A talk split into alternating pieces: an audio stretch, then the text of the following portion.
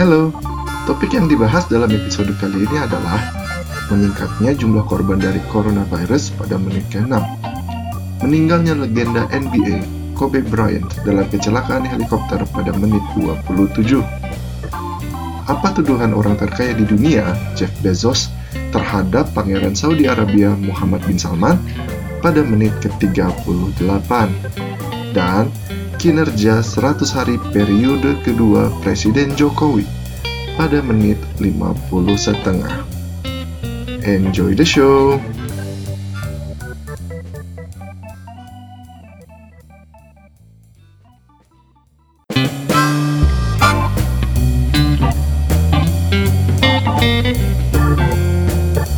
Selamat datang di What's Happening Podcast Podcast yang membahas politik, ekonomi, sosial, teknologi, dan lain-lain Bersama gua Panji Dan gue Arif. Nah, apa kabar Bang Aib nih?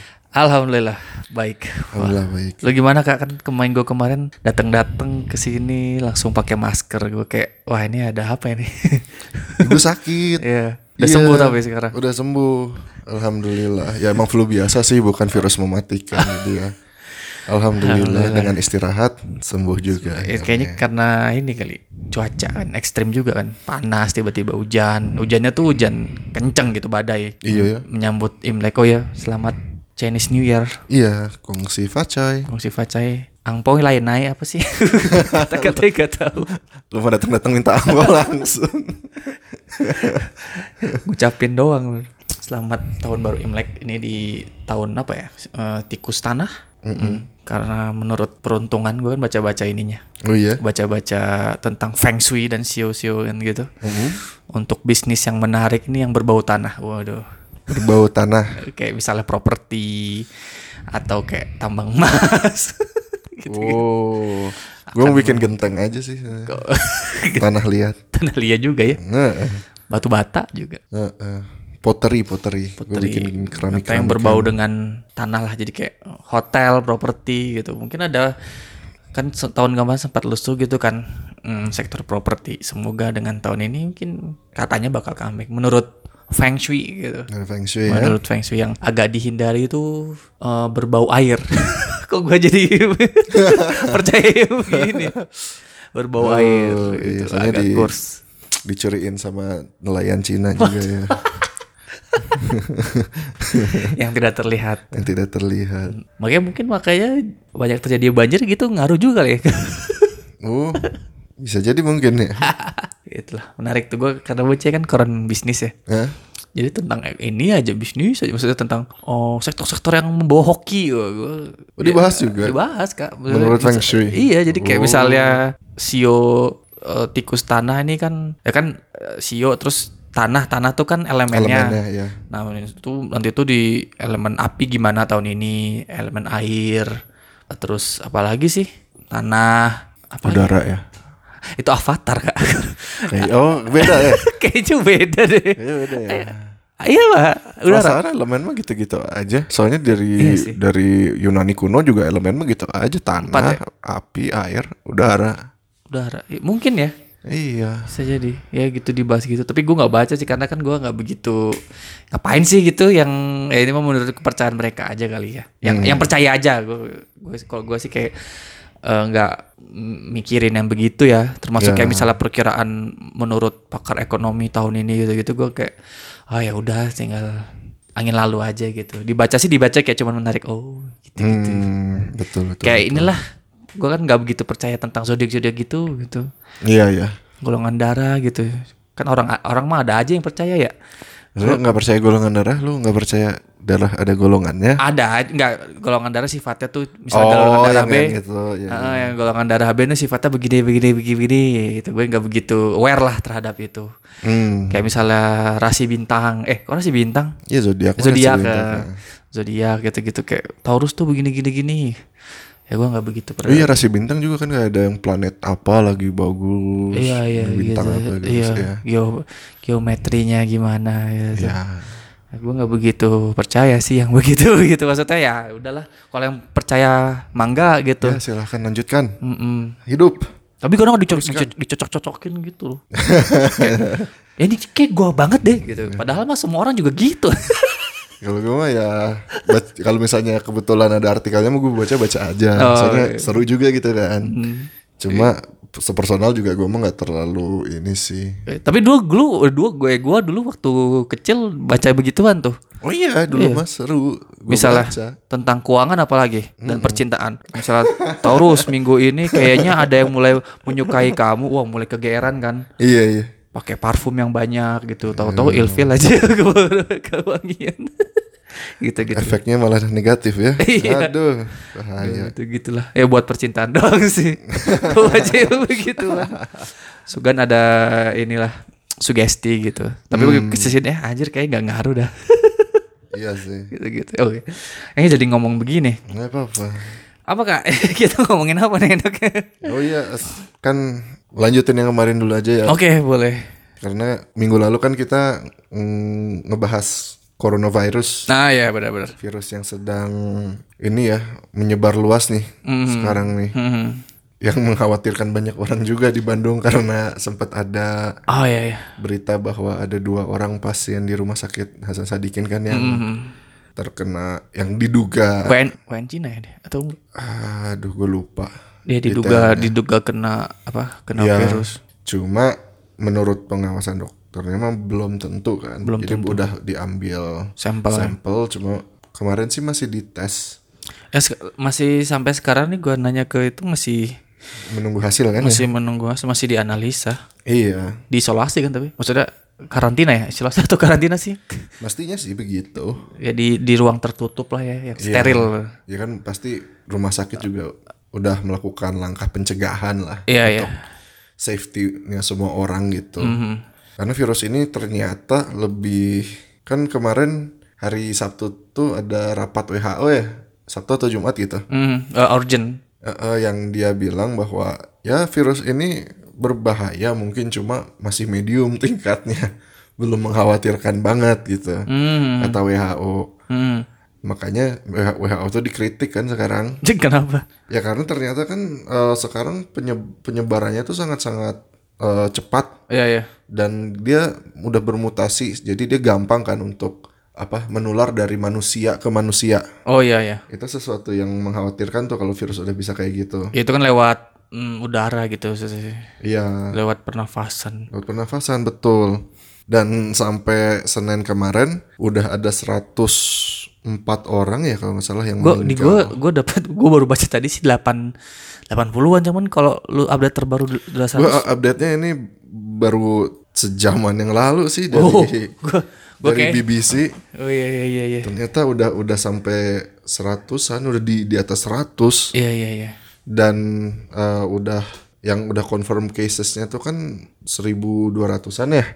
Mm, 2000 bahkan. Ya, Di terus Cina yang, yang yang di was apa ya dicurigainya tuh bisa di atas 4000-an katanya. Hmm, kemungkinan karena Kemungkinan peredarannya eh, apa? penyebarannya Penyebaran cepat banget kan ya. penyebarannya cepat banget dan yang bikin ini berbahayanya itu ya maksudnya susah buat diawasinnya kan dia sebelum virusnya mateng tuh nggak menunjukkan simptom selama dua mingguan kalau nggak salah. Iya ya, 7 sampai 14 hari. 7 sampai 14 hari kan?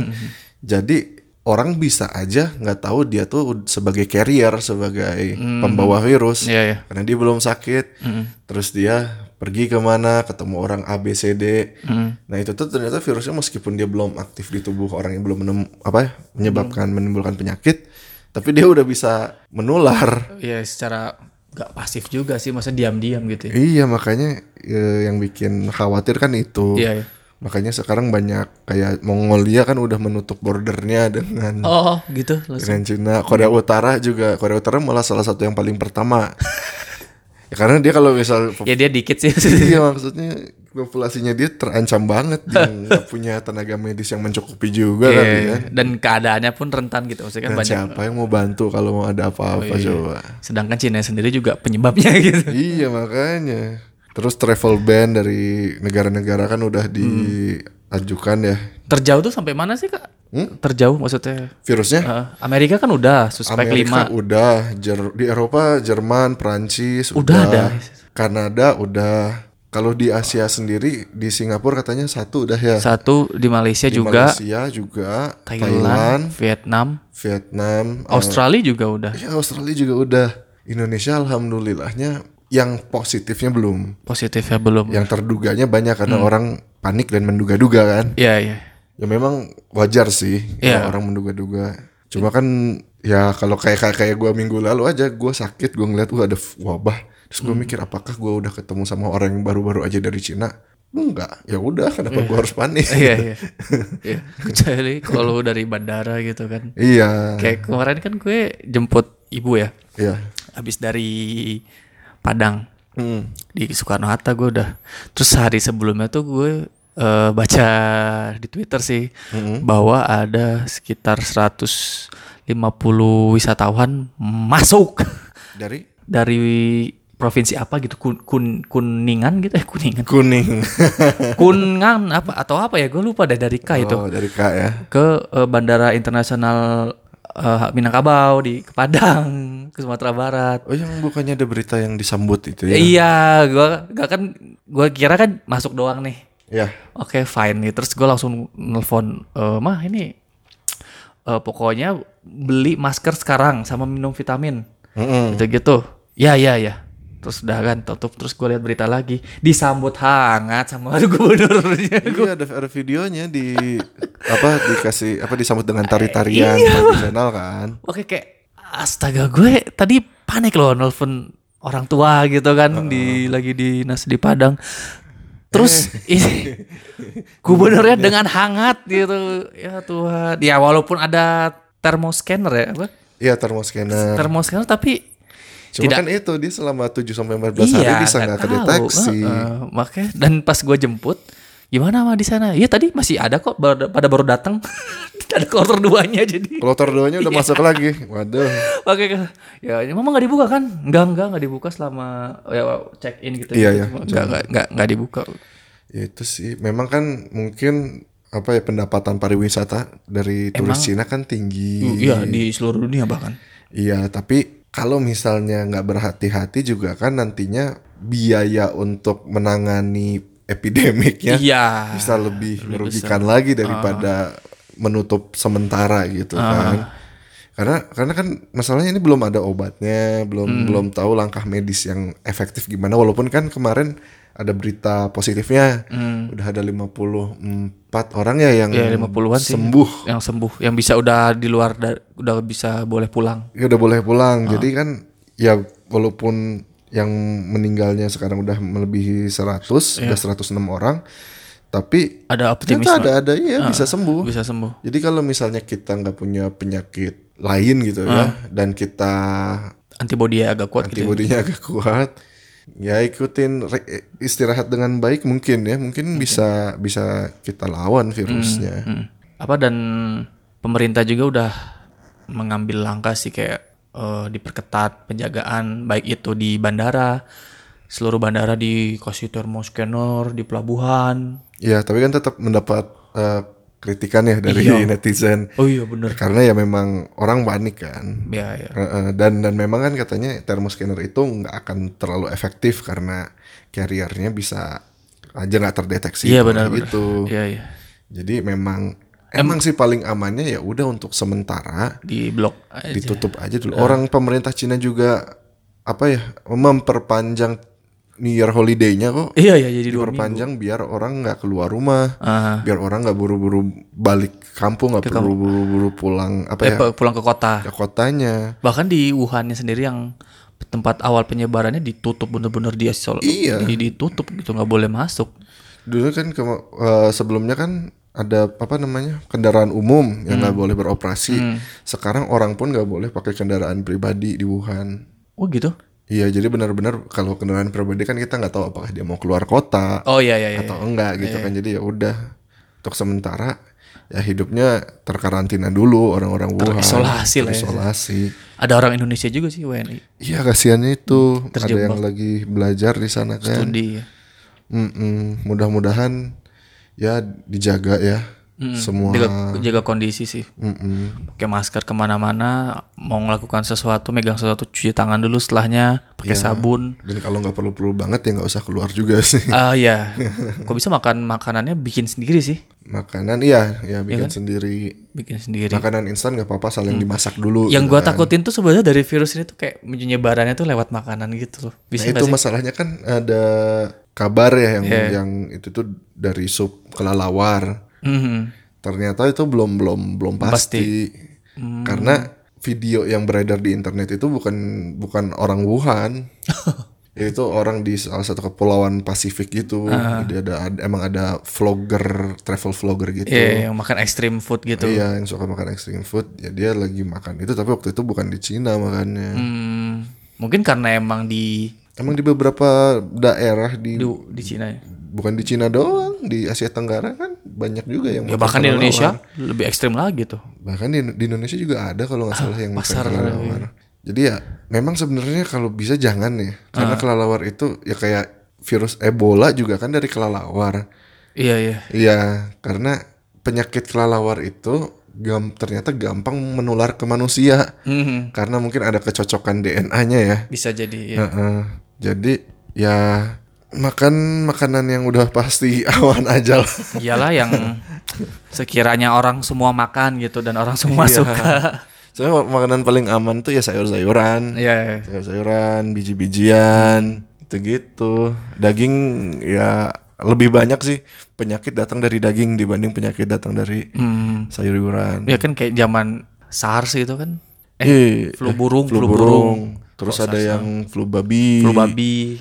Terus- Ya, ini kan ada gua bacanya di kontan. Hmm? Ada virus yang menyebar cepat dan mematikan yang yang apa yang menjadi epidemi Epidemik, ya. epidemik. Itu ada flu burung tahun Dari 97. Cina. Ah, dari Cina ya. Setahu gue dari Cina flu burung. Oh iya, iya, iya. Avian flu. dari Hong Kong. Hong Kong. Peternakan ayam di Hong Kong nih. Hmm. Ter eh, tahun 97 dan 2015. Uh, berini ya maksudnya Belum lama sih. belum lama ya. Ya. Terus kok di- dia flu burung di Indonesia tuh pada Juni 2005 sampai Desember 2016 ada sebanyak 119 99 kasus dengan 167 kematian. Wah, ini gua baru ini nih, baru ngeh nih flu burung se sebanyak ini ya. Ya memang dia lumayan ininya apa ya death rate-nya lumayan tinggi. Terus ada H1N1 flu babi tahun 2009, Swine flu swine flu sebanyak 214 negara terjangkit. itu juga awalnya dari Cina kan. Iya. Iya. Cina ya. iya. Terus ada MERS. MERS tuh mirip, satu, Mirip. satu ini kan satu Ya coronavirus juga. coronavirus Eh, ya. fam- ya masuk Dari grup. family-nya lah.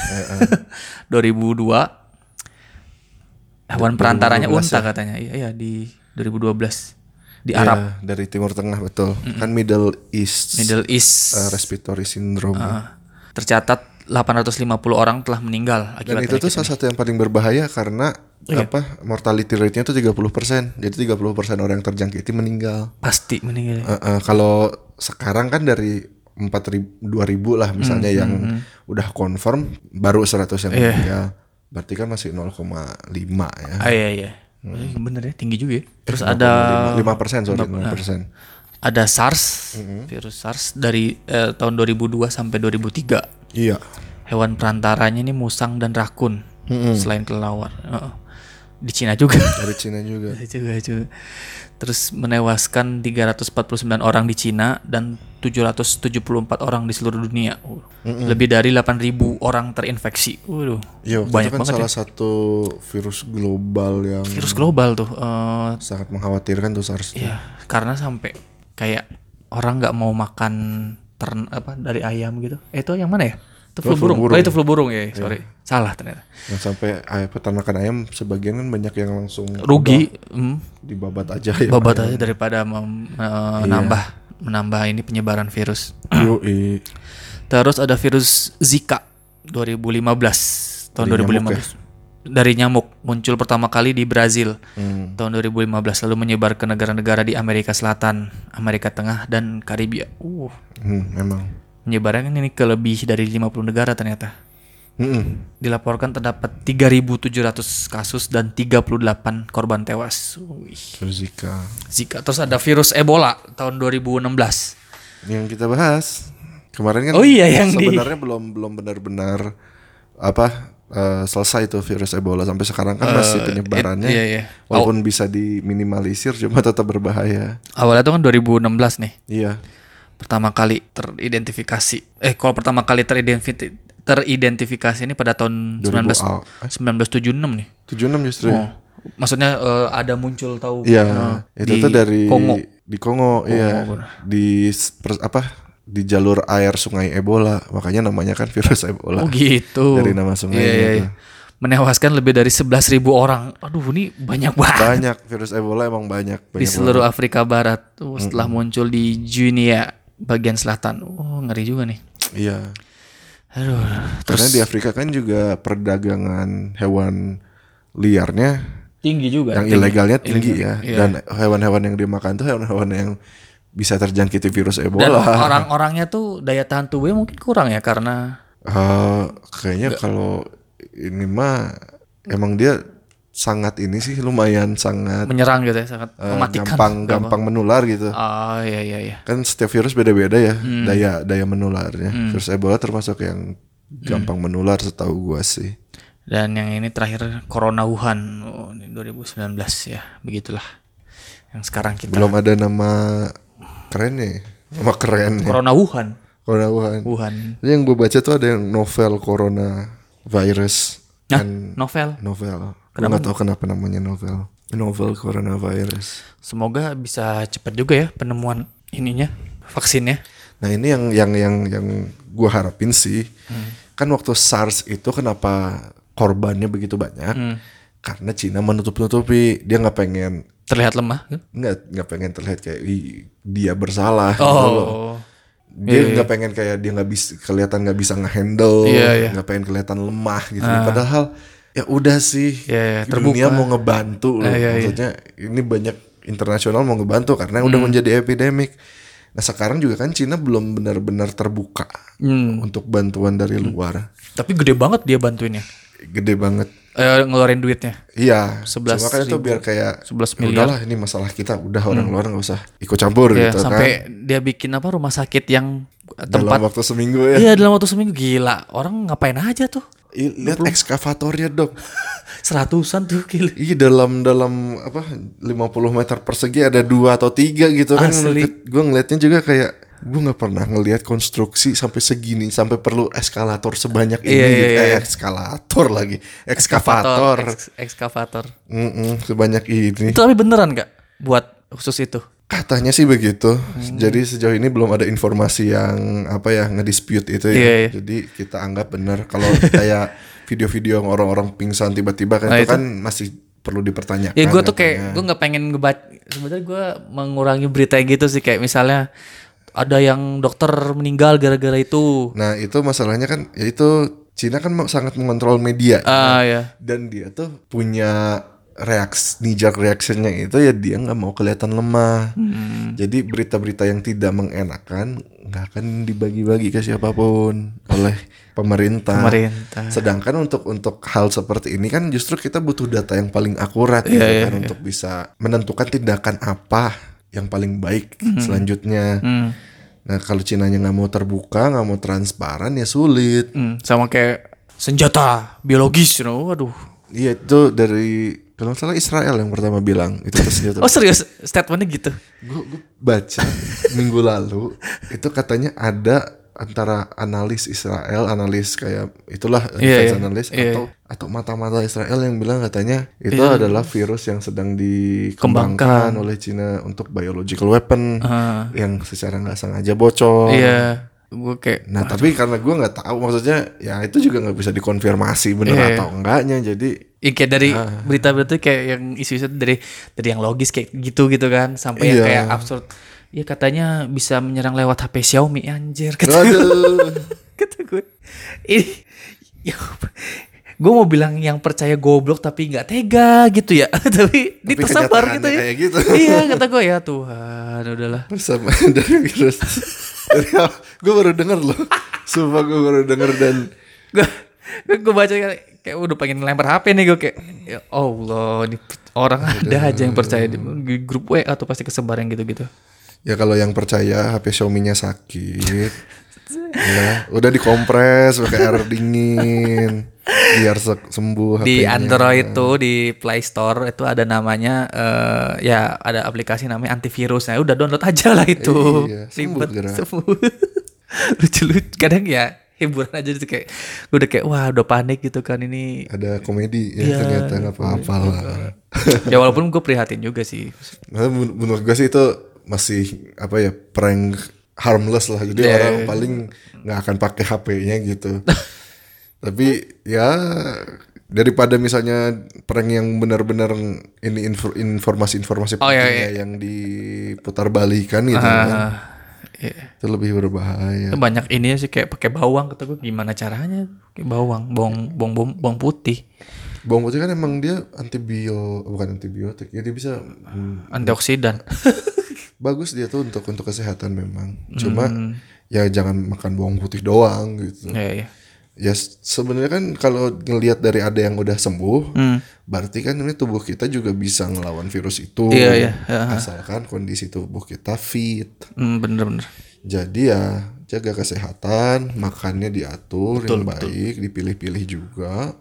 Benar tadi cuci tangan sering-sering, ya kalau ya pakai sabun. juga Kalau misalnya ya curiga mau ke daerah yang berbahaya, Ah, ah, ah. Ya, terutama kayak kalau kalau misalnya kayak ke pasar atau ke tempat-tempat umum kayak lebih baik pakai masker sih pakai masker iya betul. menghindari jaga-jaga Makanya minum multivitamin juga bisa membantu kan.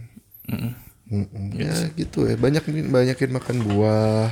iya eh ada apa lagi update yang harus dibicarakan Ya gue sih cuma berharap Cina mau lebih terbuka aja ya. Maksudnya biar takutnya kan ini akan mengglobal gitu. Jadi sebelum itu terjadi ya kenapa enggak gitu dari awal dia dibantu oleh komunitas kesehatan internasional gitu kan untuk untuk mencari jalan keluarnya. iya iya Dan karena awalnya juga ini kan masih belum jelas dari mana penyebabnya apa. Ada yang pertama bilang ular, terus sekarang kelelawar. Hmm. Ya jadi biar kita lebih tahu gitu Iya. dan bisa lebih siap ke depannya. penyebabnya apa mulai dari mana penyebabnya apa terus cara nanggulangnya gimana gitu-gitu Iya. Soalnya kebanyakan outbreak tadi kan kebanyakan dari Cina tuh. eh iya Dan kebanyakan tuh ya karena binatang gitu. iya iya iya binatang dari binatang ke Manusia. manusia Iya. gitu gitu sih udah ada lagi kak paling Ya enggak sih semoga ya semoga yang di Bandung bukan virus corona. Hmm. Soalnya se- sejauh ini Indonesia belum ada belum ada tapi udah ada yang maksudnya di yang dicurigai mah ada sih. di belum apa sih ada yang positif. Dan semoga emang nggak ada yang positif. amin amin ya Allah amin itu aja kali kak Ya, kalau dari lo ada apa, Ip? Berita nih.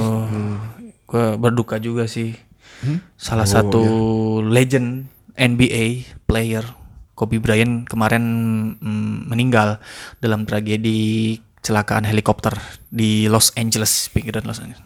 Gitu. Iya, gue kaget sih karena temen gue yang di grup di grup lain gitu Kobe. Kenapa Kobe kata gue?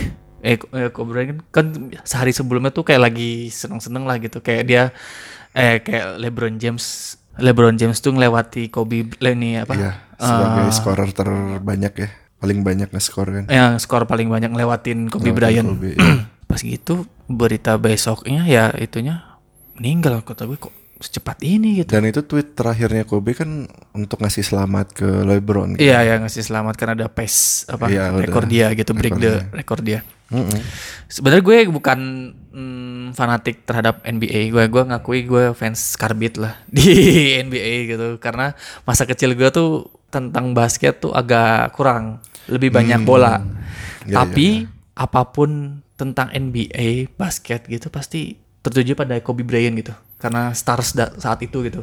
Iya, Kobe. Dia kan Shaq. melewati eh, Kobe Shaq sama kalau dari pokoknya Kobe tuh melewati tiga generasi kayaknya. Dari Michael Jordan masih main, Kobe udah main. Iya.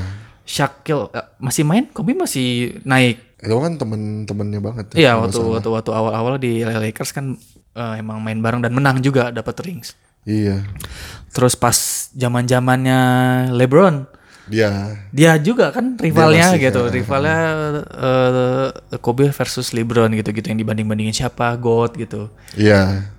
Gue ter ya god lah gitu siapa masih kayak jadi bahan bahan perdebatan, lah Perdebatan. bagi NBA fans. Nah ya gue sedih juga sih kayak nggak nyangka kan padahal Kobe itu masih muda gitu kan. Masih 40 tahunan. 41, 41 tahun. 41, Dan iya. ya kecelakaan itu tuh sama anaknya juga yang Itu yang kasihan banget iya, sih. gue kira gue kira 13 dia, tahun. gue kira dia doang kan, tapi sama anaknya kayak wah sedih sih. Gua waktu pertama kali ngelihat berita ini kan ada di push notification kan. Hmm, Breaking news. iya.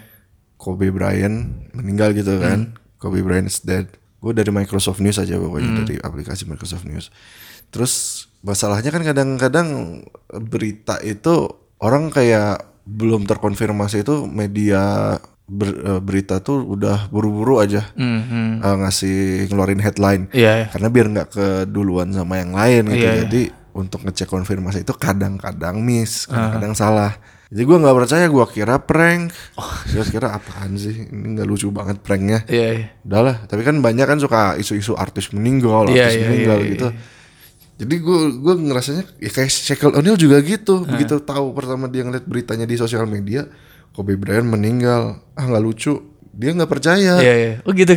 Iya, Shaquille O'Neal tuh nggak percaya pertama kali ngeliat beritanya. Gue juga nggak percaya sampai akhirnya gue lihat dari beberapa source, Iya, iya. ya dari CNN, dari New York Times segala macem.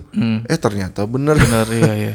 Kobe Bryant meninggal karena kecelakaan helikopter, helikopter pribadinya dia. Iya, Yang itu. dia lagi menuju ke Camp. camp basket gitu Ah, kan. buat anak ya. Iya buat anak. Nganter-nganter anaknya lah gitu. Iya justru dia tuh lagi mau nganterin Iya, anaknya. Aduh, sedih banget tuh. Terus karena kondisi cuaca tertentu dia harus pilotnya memutuskan untuk terbang lebih tinggi. Oh, dan itu kayaknya ada ya karena investigasinya yang gue baca sih belum ada definitif ininya ya uh, black box ya timeline-nya gitu.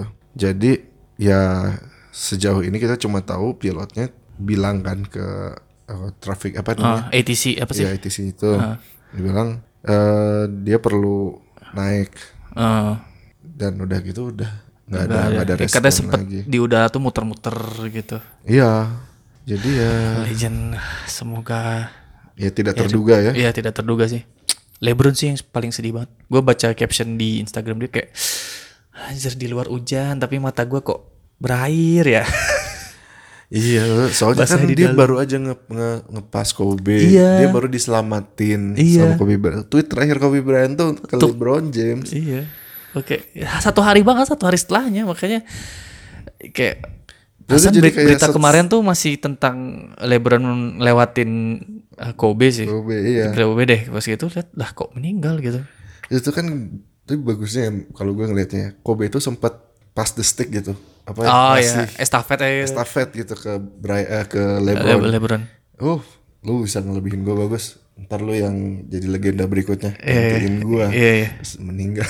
jadi tapi sempat ada itunya gitu. Iya, iya. Oh, Sekarang giliran lo yang di atas. Iya, iya. gantiin gua.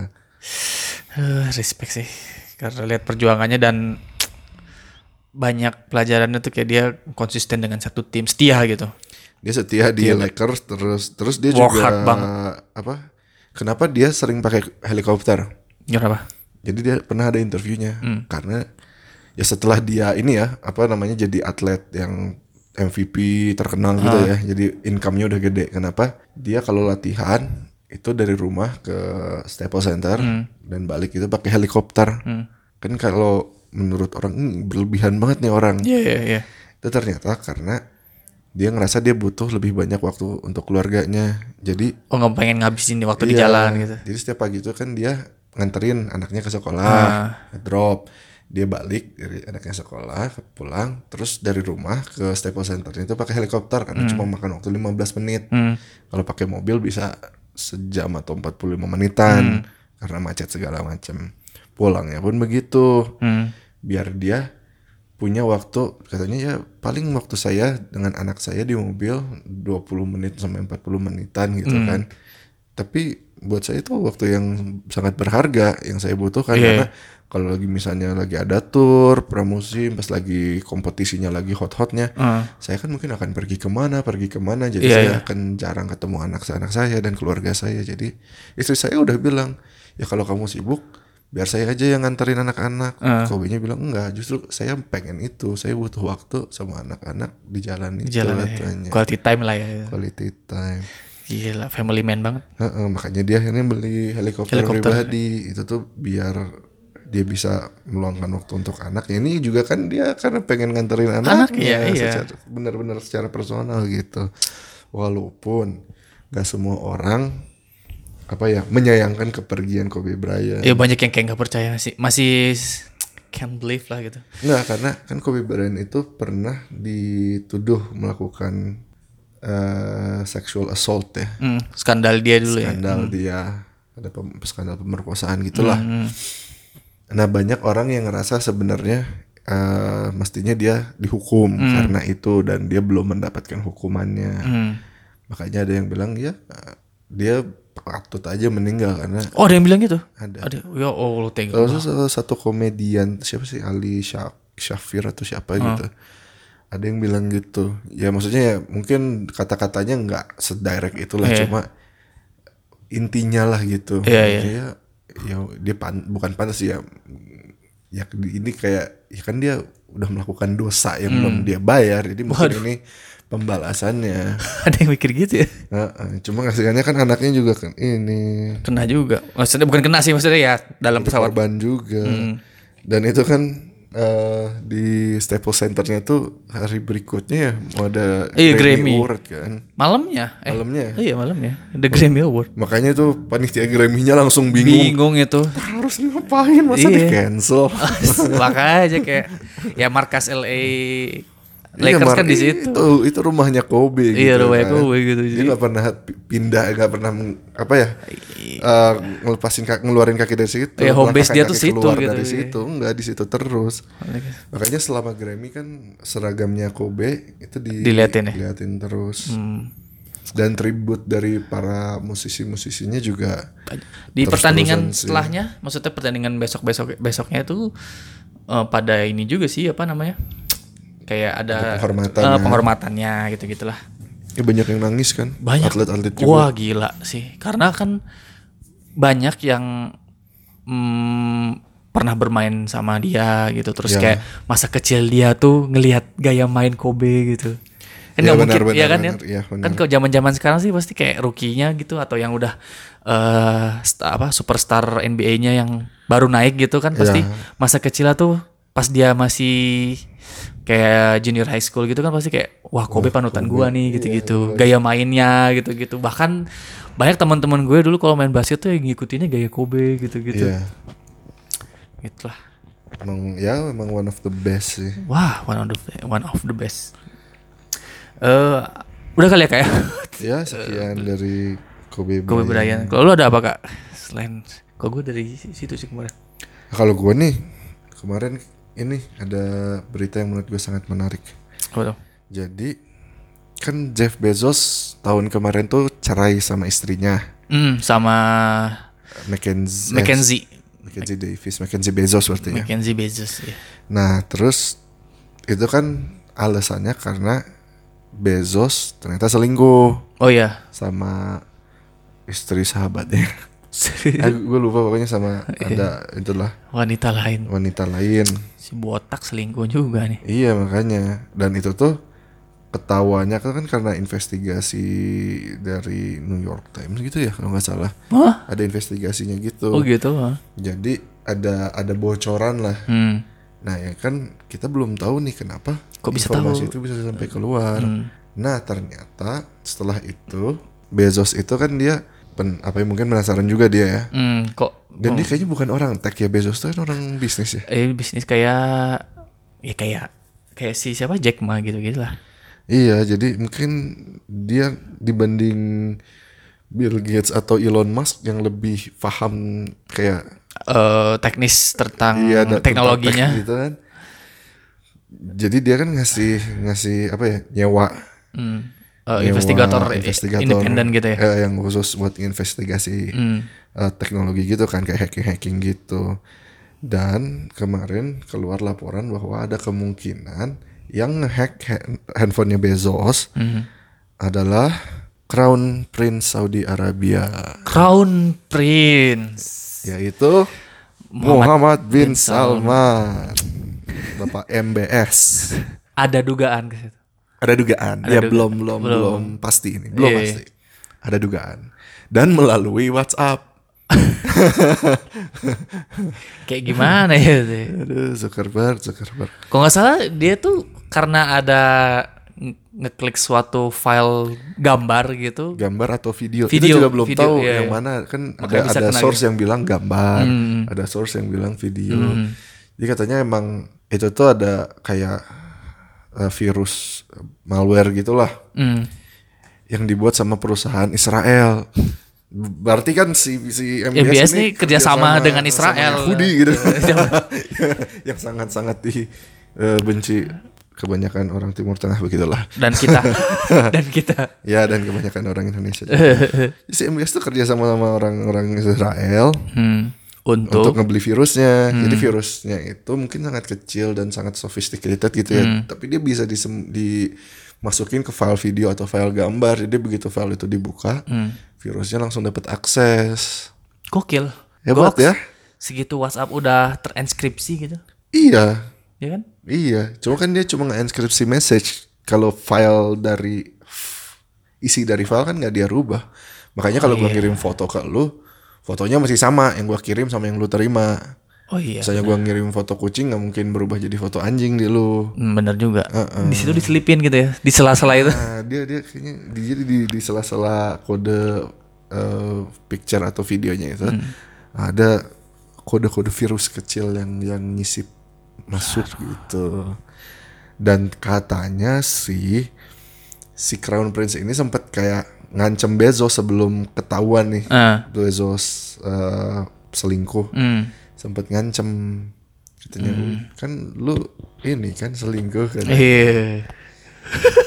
karena Bezos itu kan yang punya Washington Post. Hmm. Washington Post itu yang mempekerjakan reporter Saudi Arabia yang bernama Jamal Khashoggi Hmm. yang tahun lalu dieksekusi oleh em, intelijennya Saudi Arabia di kedutaan Saudi di Turki. Iya. Iya. Yang Dan iya. kita kayak Jamal kita kita sempat ngebahas ya. ngebahas ya. Jamal Khashoggi itu kan dulunya emang temen-temen kerajaan. Iya iya. Terus sejak MBS Naik. eh, naik dia jadi ngerasa nggak suka. Hmm, kayak ada yang ganjil gitu ya. Iya, akhirnya kan dia keluar dari Saudi, dia tinggalnya di Amerika. Hmm. Gitu dia kerja buat Washington Post dan dia sering banget nulis tulisan yang mengkritik Eh, tentang kerajaan. terutamanya Muhammad bin Salman. Hmm. Jadi makanya ini belum belum belum ada kayak definitif bahwa Khashoggi itu dibunuh sama MBS. Itu Hmm. sampai sekarang belum ada yang udah pastinya gitu bukti kuatnya. Iya iya. Cuma semua orang punya kecurigaan yang sangat kuat ke situ. Jadi ya secara umum mungkin orang udah apa ya accept gitu bahwa Iya. ya Khashoggi dibunuh sama MBS. Nah si Muhammad bin Salman itu sempat minta ke Bezos kalau nggak salah waktu ketemu, tolong dong jangan diiniin, maksudnya kan Washington Post ngerasa dia punya apa ya kewajiban untuk em, membalas Jamal Khashoggi dengan terus-terusan eh, mengawasi nih Hmm. Saudi Arabia terutama MBS dan untuk terus-terusan mencari tahu siapa sih sebenarnya yang nyuruh eh, orang-orang itu ngebunuh Khashoggi Khashoggi ya. karena mereka kan udah punya target tuh MBS cuma kan link dari itunya belum ketemu Hmm. itu masih dicari kan sama wartawan Washington Post MBS kan nggak suka Hmm. dia minta tolong Bezos cuma Bezos nggak ini Nggak aware, eh, mau nggak mau. nggak mau ya ikut campur gitulah Iya, iya. dan waktu di Turki kan dia sempat eh, datang ke acara untuk apa ya memperingati Jamal Khashog- Khashoggi Si Jeff Bezos. Jeff Bezos sampai eh, ngundang fiancenya kan yang mau dinikahin Ah, orang iya, Turki itu iya, iya. Ya kan dia ke embassy itu karena dia harus ngurusin Surat nikah lah Surat ya. nikah Iya, gitu lah ya. Iya iya. Nah itu tuh membuat MBS marah karena Oh. loh, ya dia nggak pengen nggak pengen apa, Jamal Khashoggi itu le- lebih dapat Eh, attention. attention gitu kan, tapi ini kan Bezos kayak benar-benar ngasih attention ke situ, MBS nggak suka. Terus waktu si MBS lagi ke Amerika ya ketemu Bezos, tukeran WhatsApp, nomor handphone, terus sempet chatting-chatting sebelumnya, dan ya ini akhirnya terkirim virus. Jadi katanya sih jadi dia si Khashoggi udah dapat itunya informasinya Hmm. informasinya itu dikasih lagi atau dijual lagi itu ke New York Times. eh, eh, kakak atau adik laki-lakinya dari pacarnya Bezos dari selingkuhannya oh iya, jadi iya. yang yang yang apa ya ngasih informasi itu ke New York Times itu bukan MBS tapi si orang itu Ah, oknum. oknum begitu jadi dia emang nggak secara langsung gitu lah Iya. iya. Jadi cuci tangan juga ya. Mm-mm, memang gue mainnya hati-hati cuma ya mm, kita harus lebih hati-hati mungkin kalau buka-buka attachment Eh, iya sih dari orang-orang yang dari orang-orang yang menurut kita berbahaya. Terutama pejabat-pejabat ya, hati-hati. Iya. Biasanya pejabat Indonesia mah suka penasaran dengan foto-foto wanita. nah itu itu yang gue Oh. lihat Serius? yang gue lihat itu kan apa namanya eh ada beberapa laporan ya dari eh, The Guardian dari CNN juga tentang Bezos sama ini tuh sama MBS tuh Iya. nah ada yang nunjukin foto yang dikirim sama eh, MBS ke Bezos tuh ya foto cewek gitu yang agak mirip fitur mukanya tuh mirip dengan selingkuhannya. Terus ada caption apa gitulah tentang software license agreement gitu gitulah.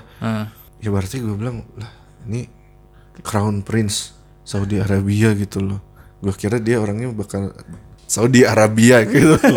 Gak akan ngirim foto perempuan yang nggak pakai hijab. Gak tahu ya foto yang gitu. Dan video yang dikirim ke Bezos sampai sekarang belum tahu kan. Belum ya. Cuma kemungkinan ya video-video yang nggak berfaedah gitu loh, Iya. bukan video tentang bisnis tentang apa. Yang sampah sih. iya. Kecele juga ya Jeff Bezos. Iya makanya gue bilang lah ini head of Amazon gitu loh. Amazon tech The most company. richest. uh, Iya, the itu kan most tech richest. company Iya, gitu. Gila teknologi yang dikembangin sama Amazon tuh edan. Dan bahkan ya maksudnya Dia mau bikin roket, dia mau bikin pesawat luar angkasa. Iya. Cuma dia handphonenya kan kertas gitu. Wah. ada Bezos. Bezos. Jangan pakai WhatsApp lah, Bejos. Sebenarnya mah pak bukan ininya sih bukan platform ya. Platform Karena dia ya. mau pakai Telegram, Oh, pakai- mau iya, pakai iya. apa juga kalau dia ngebuka file. Dari bahkan itu, dari email juga bisa tuh. Iya, kalau dia ngebuka file itu udah. Kacau bin wadadau. Mm-mm. Terus apalagi Kak? Udah itu cukup masalah Ya ini kan masih diinvestigasi. Tapi sampai UN turun tangan bilang Hah, iya. kenapa? Ya karena ini kan kalau Hak privasi gitu. udah berurus berurusan sama Crown Prince itu kan agak spesial mungkin ya. Oh. The richest man lawan Crown Prince of The richest Saudi man. Arabia gitu. Iya, iya, Maksudnya Saudi Arabia juga bukan negara sembarangan. Hmm. Di situ ada Mekah. Oh di iya. situ ada Ka'bah. Itu tuh negara yang kalau sampai kenapa-napa kemungkinan besar umat muslim sedunia Hmm. akan ngebelain. Iya benar-benar. Heeh, jadi mm, menurut gue masuk akal UN turun tangan PBB turun tangan. Iya sih. Heeh. I- Ini iya. the richest man in the world gitu kapitalis ngelawan pemimpin negara yang, yang mayoritas iya yang kayak kiblatnya, kiblatnya Islam di situ gitu salah kan. satu agama besar gitu. Iya jadi ya untuk ya buat jaga-jaga kayaknya UN turun tangan. Karena ini special case yang menarik gitu kan. Iya. iya. Uh, uh, uh, uh, kita tunggu aja kelanjutannya ya. Iya.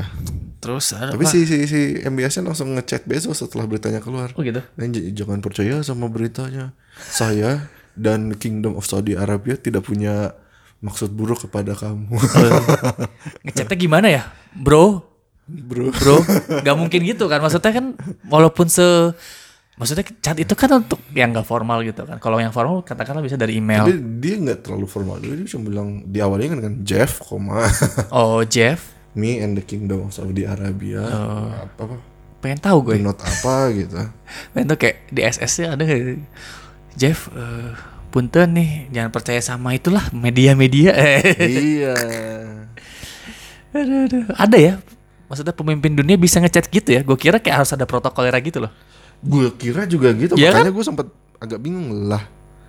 Ya mungkin dia ngechat Bezosnya, ya makanya yang dikirim tuh bukan kayak dokumen penting, tapi foto dan video receh-receh karena dia menggunakan akun pribadi yang kayak ya udah ini mah kita temenan gitu Iya, karena mereka iya. mungkin emang udah kenal jadi agak temenan gitulah mungkin. Ya, maksudnya sama-sama orang powerful gitu kan. Iya, iya. Jadi ya komunikasinya kayak gitu. Ternyata kalau yang bukan official mah masalahnya Trump aja yang official ngomongnya sembarangan gitu. Jadi kayaknya udah udah ngetrennya sekarang ya udahlah. Bodoh amat dengan, dengan Persetan dengan kesopanan. protokoler. Gitu. Eh, apalagi Kak? Oh, udah, udah, udah dulu kalau dari gua. Udah dulu. Kalau gue ini baru baca tadi sih. Ternyata hari ini tuh hari 100 hari Pak Jokowi. Jokowi Iya. periode kedua. Betul.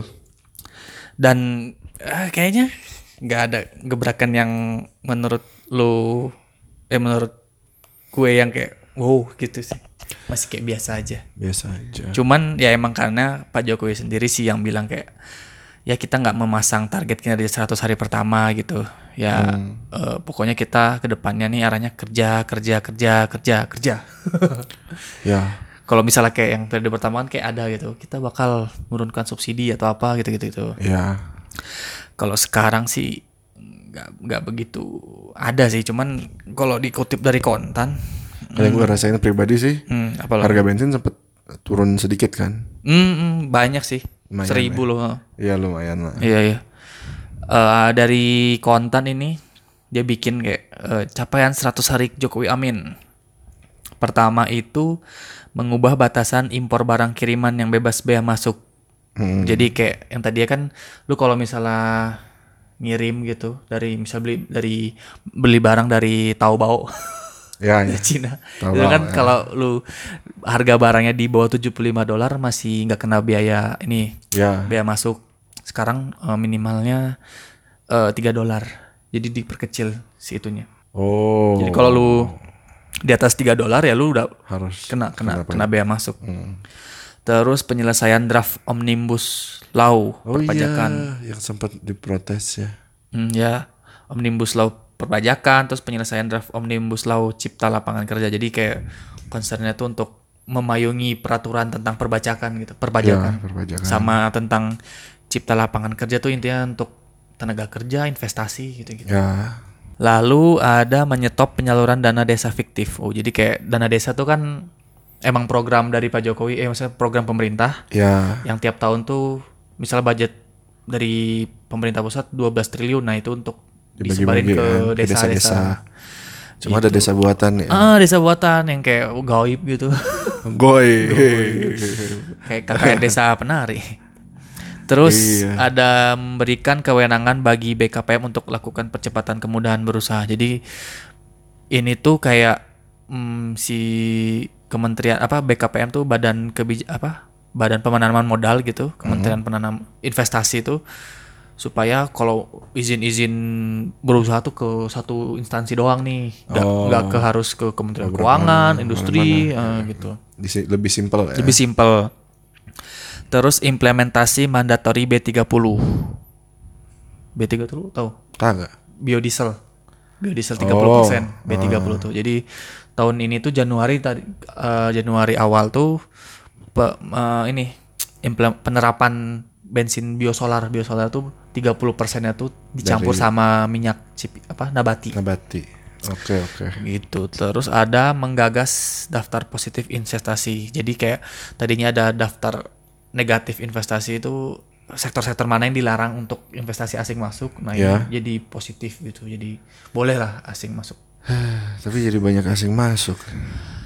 Eh iya begitulah lalu implementasi satu data Indonesia nah ini yang gua seneng gitu nggak maksudnya permasalahan dari dulu tuh pemerintah terutama tuh mismatch data Ya betul. gitu kayak misalnya lu impor sesuatu itu alasannya apa Hmm. karena misalnya kayak mau impor impor gandum aja atau kedelai lah yang biasa Ya.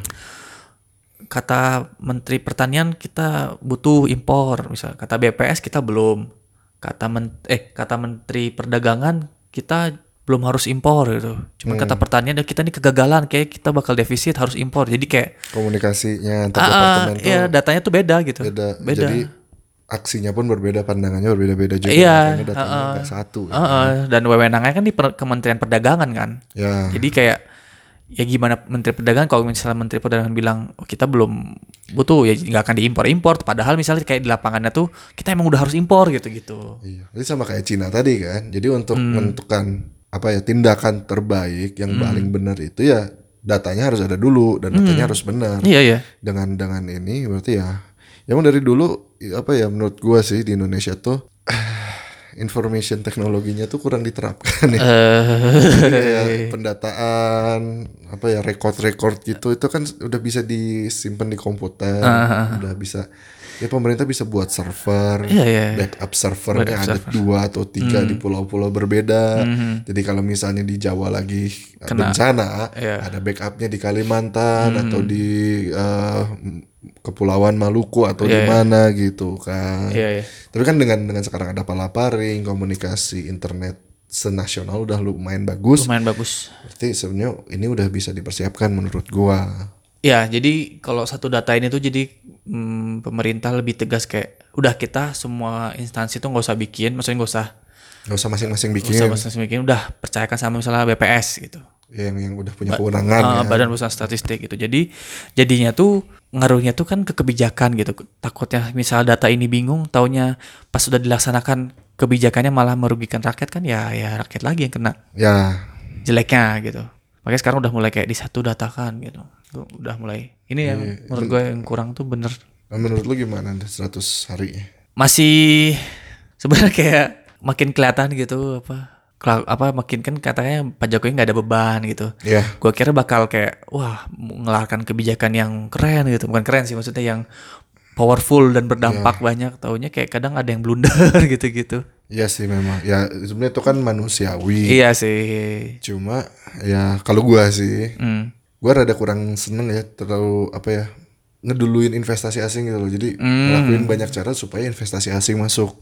Iya sih itu itu emang emang gitu dia. Gua agak-agak apalagi kalau investasi Cina karena yang kita pernah bahas kan Cina ngebantu di Afrika dan banyak negara Afrika yang sulit ngebayar Cina sehingga aset-aset negara mereka diambil. Apakah sepede itu gitu? Mhm. Investasi asing kan maksudnya jadinya kita punya utang secara nggak langsung lah menurut gua. Belum tentu bagus gitu kalau Iya. terlalu banyak. Mm-mm. Iya karena eh satu yang kayak yang gua takutkan sih kan yang ada omnibus law nih kayak ada perubahan perubahan undang-undang kan. Ya, pasalnya ada yang dirubah mungkin betul. untuk memudahkan investasi. Nah, takutnya hmm, yang gua takutkan kayak gue udah bilang deh di episode sebelumnya pas atau to- yang tahun baru lah. Itu kayak ini tuh terlalu buru-buru sehingga kayaknya ada ada poin-poin yang bisa aja kayak merugikan kita sendiri gitu bumerang buat kita. Iya. gue takutnya sih gitu. Gue takutnya. juga, gue juga takutnya kayak gitu. karena kan ini kan ngingat Pak Jokowi pokoknya eh kalau nggak salah dia pertengahan tahun harus udah beres aja. Nah itu Ya emang sih, emang Pak Jokowi emang menguasai mayoritas parlemen, jadi tinggal dilega apa, tinggal disah-sahin dan aja. sebenarnya bagus juga kalau punya target dan pengen apa ya, berusaha untuk target itu dicapai. Iya, Jangan iya, iya. Molor-molor mulu kan.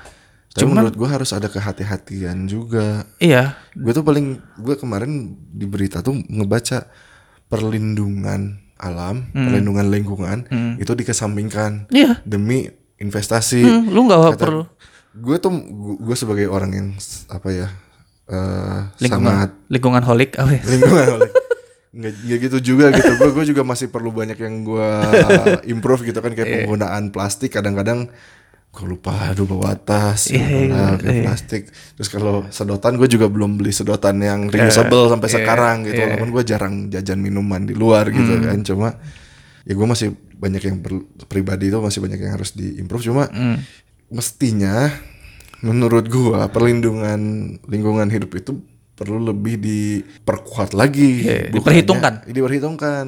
Jangan dilemahkan gitu loh. karena alam itu ke depannya memang nggak akan ngasih langsung banyak. Cuma menurut gua bakal ngasih sesuatu yang stabil. Iya, dan itu tuh selalu menguntungkan ke kita. Itu sih yang ya emang kurangnya tuh itu. Jadi kayak eh, kewenangan Kementerian Lingkungan Hidup tuh agak dibatasi. Heeh. Lu izin amdal nggak usah, nggak perlu. jadi kayak kayak Trump lagi dia ngelemahin E. EPA gue kesel banget Trump ngelemahin EPA sampai Taman Nasional Park Hmm. yang udah jelas-jelas itu mah udah buat kelestarian alam Iya, iya.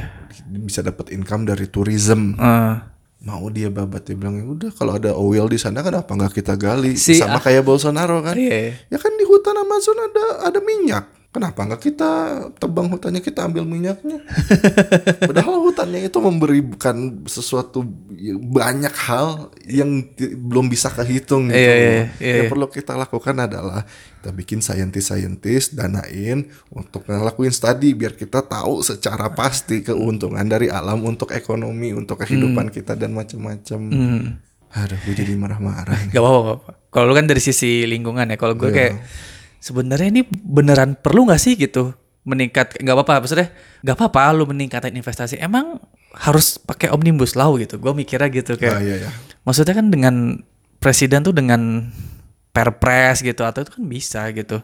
Toh yang utama itu eh yang maksudnya eh hambatan investasi itu kan dari regulasi ya. Cuman yang lebih penting itu menurut apa gue baca di kayak di koran konten atau bisnis lah. Kayak gue baca dari dua situ doang sih. ya Eh, penanganan korupsi itu lebih penting daripada harus lu mempermudah investasi gitu. jadi untuk menyediakan reformasi birokrasinya justru yang harus di itu Iya. bukan peraturannya. kestabilan iklim politiknya kan Iya ya bisa ya distabilin. tentang ininya lah apa kak si orangnya nih si pegawai si PNS PNS-nya ini nih gitu dibenerin dulu si apa mindsetnya gitu ya ya ya gitu jangan ada yang Masuk kayak akal. jangan ada yang istilah kalau kalau bisa ribet kenapa mesti mudah gitu gitu gitu gitulah gitu cuman sebenarnya di omnibus law ini sih termasuk sih untuk mempermudah gitu. cuman menurut gue kayak emang harus ribet harus merubah UU banget nih eh undang-undang banget nih untuk bisa menarik investasi. Kayaknya enggak deh yang menurut yang, gue. yang gue takutin sih biasanya kan yang namanya hukum yang dibuat manusia gitu. Ah, ada, cel- loophole. Ya loophole. Yang gue takutin nih kalau yang misalnya yang nemuin loophole-nya orang baik akan ngasih tahu. Jadi bisa diperbaiki. Hmm. kalau yang nemuin loophole-nya orang jahat akan dimanfaatkan Iya. untuk memperkaya diri dan segala Iya iya macam. iya. Kalau yang memperkaya dirinya orang Indonesia gue masih agak lebih ikhlas Ah, iya. cuma ini kan omnibus law ini dibuat untuk mempermudah investasi asing gue takutnya tuh orang-orang asing yang lihat wah ini kayaknya bisa gue main-mainin Iya, iya. Bahkan ada wacana mau ada properti bisa dibeli asing. Bisa pemilikan itu kan nggak boleh harusnya. pak nggak semua orang Indonesia mudah punya rumah sekarang ini di mana-mana. Cuma satu negara yang tingkat homelessnessnya berkurang dalam dekade terakhir yaitu Finlandia. Kenapa? Karena dia punya policy housing first. Itu yang didahulukan biar semua orang punya Biar dulu rumah, iya, rumah. iya. kalau orang udah punya rumah mau usaha gampang. Bikin Iya. usaha kecil. Iya, iya. mau kerja udah nggak perlu mikirin apa-apa. Anaknya bisa tidur malam-malam. Iya iya. Dengan orang di punya rumah itu katanya menurut studi itu akan mempermudah hidup dia. Hmm, hmm. dan itu akan bagus untuk masyarakat dan negara pada akhirnya. Jangan cuma mau duit duluan tapi ke depannya nggak nggak jelas juga bakal Iya, itu- gimana. Itu sih gua juga takutnya tuh ini karena ini terburu-buru gitu. Kayak wah, emang penting banget gitu omnibus law gitu yang yang ribet banget itu. Dan emang yang gue takutin tuh kan ibaratnya gini. Omnibus law tuh kan banyak tuh pasal-pasal yang dirubah terus macam-macamnya ada sub pasalnya lagi gitu. Dan harus dibahas di DPR. Emang orang DPR sebegitu teliti kah? kayak gue kayak meragukan bahwa DPR tuh bakal teliti gitu loh ngeliatnya gitu. Maksudnya menurut gue seteliti-telitinya itu kan overhaul dari berbagai macam undang-undang banyak Iya, iya, sekali. iya, iya. Seteliti-telitinya orang loophole itu selalu ada dalam dalam dalam peraturan. Makanya kalau gue setuju sih omnibus tapi kayak untuk mungkin lebih dijatah dijatah enam bulan atau Iya, itu waktu pembahasannya perlu diperpanjang mungkin. iya ya. sih. Dan kata kata gue ya ya pertama itu kayak emang omnibus lo penting gitu. Maksudnya kan presiden pun bisa ngajuin Kayaknya perpu. dia mau oh, Jokowi itu mau biar ke depannya. Mungkin Jadi sih. setelah Jokowi nggak ada paling nggak eh, yang baru nggak bisa langsung ngutak-ngatik. Ah iya sih. Iya, iya. Jangan sampai ya kayak Trump kan pokoknya dia yang Obama lakukan dia cancel dia- cancel dia- semua ya ya walaupun perlu waktu bertahun hampir sampai akhir periodenya ini cuma kan Hmm. dia hampir berhasil tuh Obamacare Paris Nuclear eh Paris Climate Accord Iran Nuclear Deal itu perlahan-lahan kan satu-satu dia copotin dicopotin semua. ya sih iya sih ya itu cuman kayak eh, sebenarnya nih penting mesti penasaran juga pakai ini penting gitu omnibus law nih. Semoga. terlalu terlalu terlalu di besar besarkan gitu. Ya semoga nggak terjadi hal-hal yang tidak diinginkan sih ya. Iya ya semoga beneran emang untuk mense- mensejahterakan rakyat gitu. Iya, dan pembahasannya tuh harus meli, mengikut meli apa? Mengajak atau ya harus ini apa mengajak pihak-pihak yang stakeholdernya lah gitu. Ya. Kayak misal tentang investasi ya pengusahanya dan dan buruhnya gitu. Ya. Dan akademisi apakah itu penting gitu gitu, Oh iya, gitu sih benar, benar, ya kan? Hmm, harus harus gitu. Setidaknya DPR tuh ada yang ngejaga gitu. Badan pengawas DPR Iya. kayaknya lagi musim badan pengawas sekarang. Bener sih.